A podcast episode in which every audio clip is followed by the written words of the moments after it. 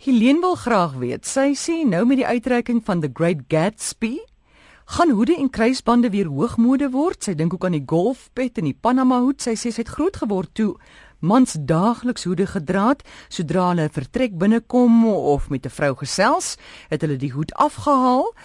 Vandag sien sy mans oral rondloop met pette op hulle koppe in winkelsentrums, selfs in restaurante eet hulle met hierdie hoede op die kop. Is dit reg? Man, die mode verander, is 'n bietjie soos met 'n sonbril.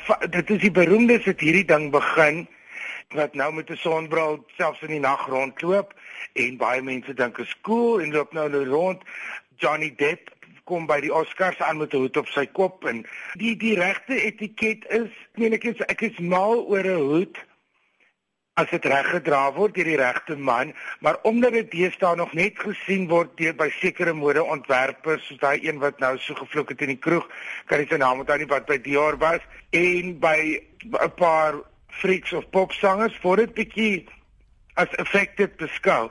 So baie min mans het die guts om 'n mooi designers hoed te dra want hulle dink dalk jy is op pad na alternatiewe troue toe of jy het haar probleme en baie mans dra kit want hulle hulle kan nie hulle blesse hanteer nie dit is nou maar 'n uh, probleem. Die etiket is dat jy 'n hoed afval en sê dit 'n tipe geloof is waarvan ek niks weet nie, dat jy 'n hoed afval wanneer jy vertrek binne kom en dat jy beslis 'n hoed afhaal wanneer jy praat met iemand wat een of ander vorm of dit van sukses of rang of adellikheid of ouderdom jou senior is, sal jy beslis 'n hoed afhaal.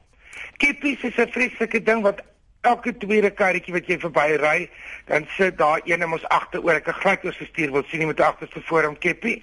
Want dis wat hulle sien op popvideo's en hulle R&B en hip-hop en rap heroes het al hierdie goed. Daar is sekere goed en en dit is vir verlei mense. Jou vir jou hare te was as jy op sit, wat nie weet nie wat se gemors gaan na aan nie.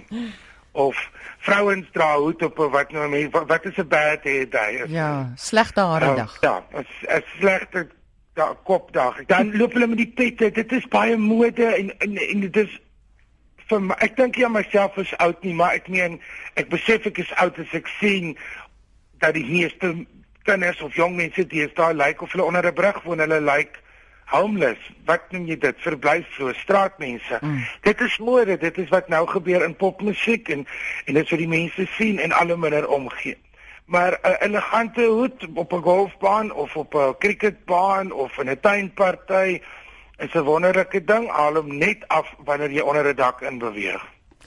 Anoniem is in 'n verhouding met 'n weewenaar wie se vrou net so bietjie meer as 'n jaar gelede skielik oorlede is. Sy wil weet wanneer is mense gewoon onbedagsaam om voortdurend in haar teenwoordigheid sy oorlede vrou se wonderlike kwaliteite te besing. Dit gebeur gedurig. Wat moet sy doen? Dis moeilik man. Ek weet nie wat die ouderdom is nie, maar as as as dit nie meer jong mense is, jy verstaan, dit is nie dood op 29 of iets nie. Dan is sekere vriendskappe gesmee deur dekades. Daar's daar kinders wat saam op universiteit was, daar's 'n lang lang geskiedenis. En dit is vir mense moeilik en mense maak baie keer die klips om oor te praat al hierdie naweek toe ons daar was of die dag toe ek die olifant gery het of whatever. Dit is doodgewoon onbeskof en onbedagsaam en baie ongemaklik nie net vir die dame nie, maar ook vir die vir die man met wie sy mm. uitgaan om dit net te doen. Maar dit is een van hierdie gevalle wat ons hoop nou maar hulle luister na die program want ek preek nou vir die verkeerde een.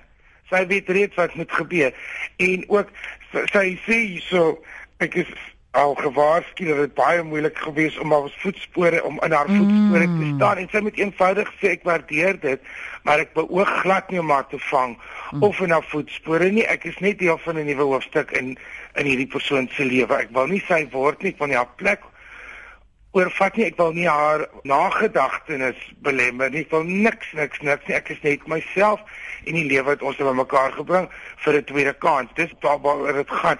Maar as dit erger raak spreek hulle aan en bespreek dit met die weewenaar dit is volgens reëls sosiale reëls sy plig om sonder dat jy weet die vriende te bel en sê ek bring haar saam. Kan ons hierdie keer 'n bietjie meer bedagsaam wees as ek dit kan regkry dan is ek seker julle kan dit ook reg kry. So dit is eintlik maar sy plig en ek dink enigste kansie is dat sy dit moet bespreek of doodlei te sê ek is nou baie moeg om nommer 2 te wees of of om so jy gaan nou maar alleen kuier totdat ons die dag getroud is of totdat ons lank genoeg by mekaar is of of of totdat hierdie onthou ek jare is baie min is 'n baie baie baie kort tyd na 'n dood dit vat jare dan moet jy jou voet neersit of jy moet maar vir 'n tydjie bietjie laag lê totdat hulle nou voluit gewoed het.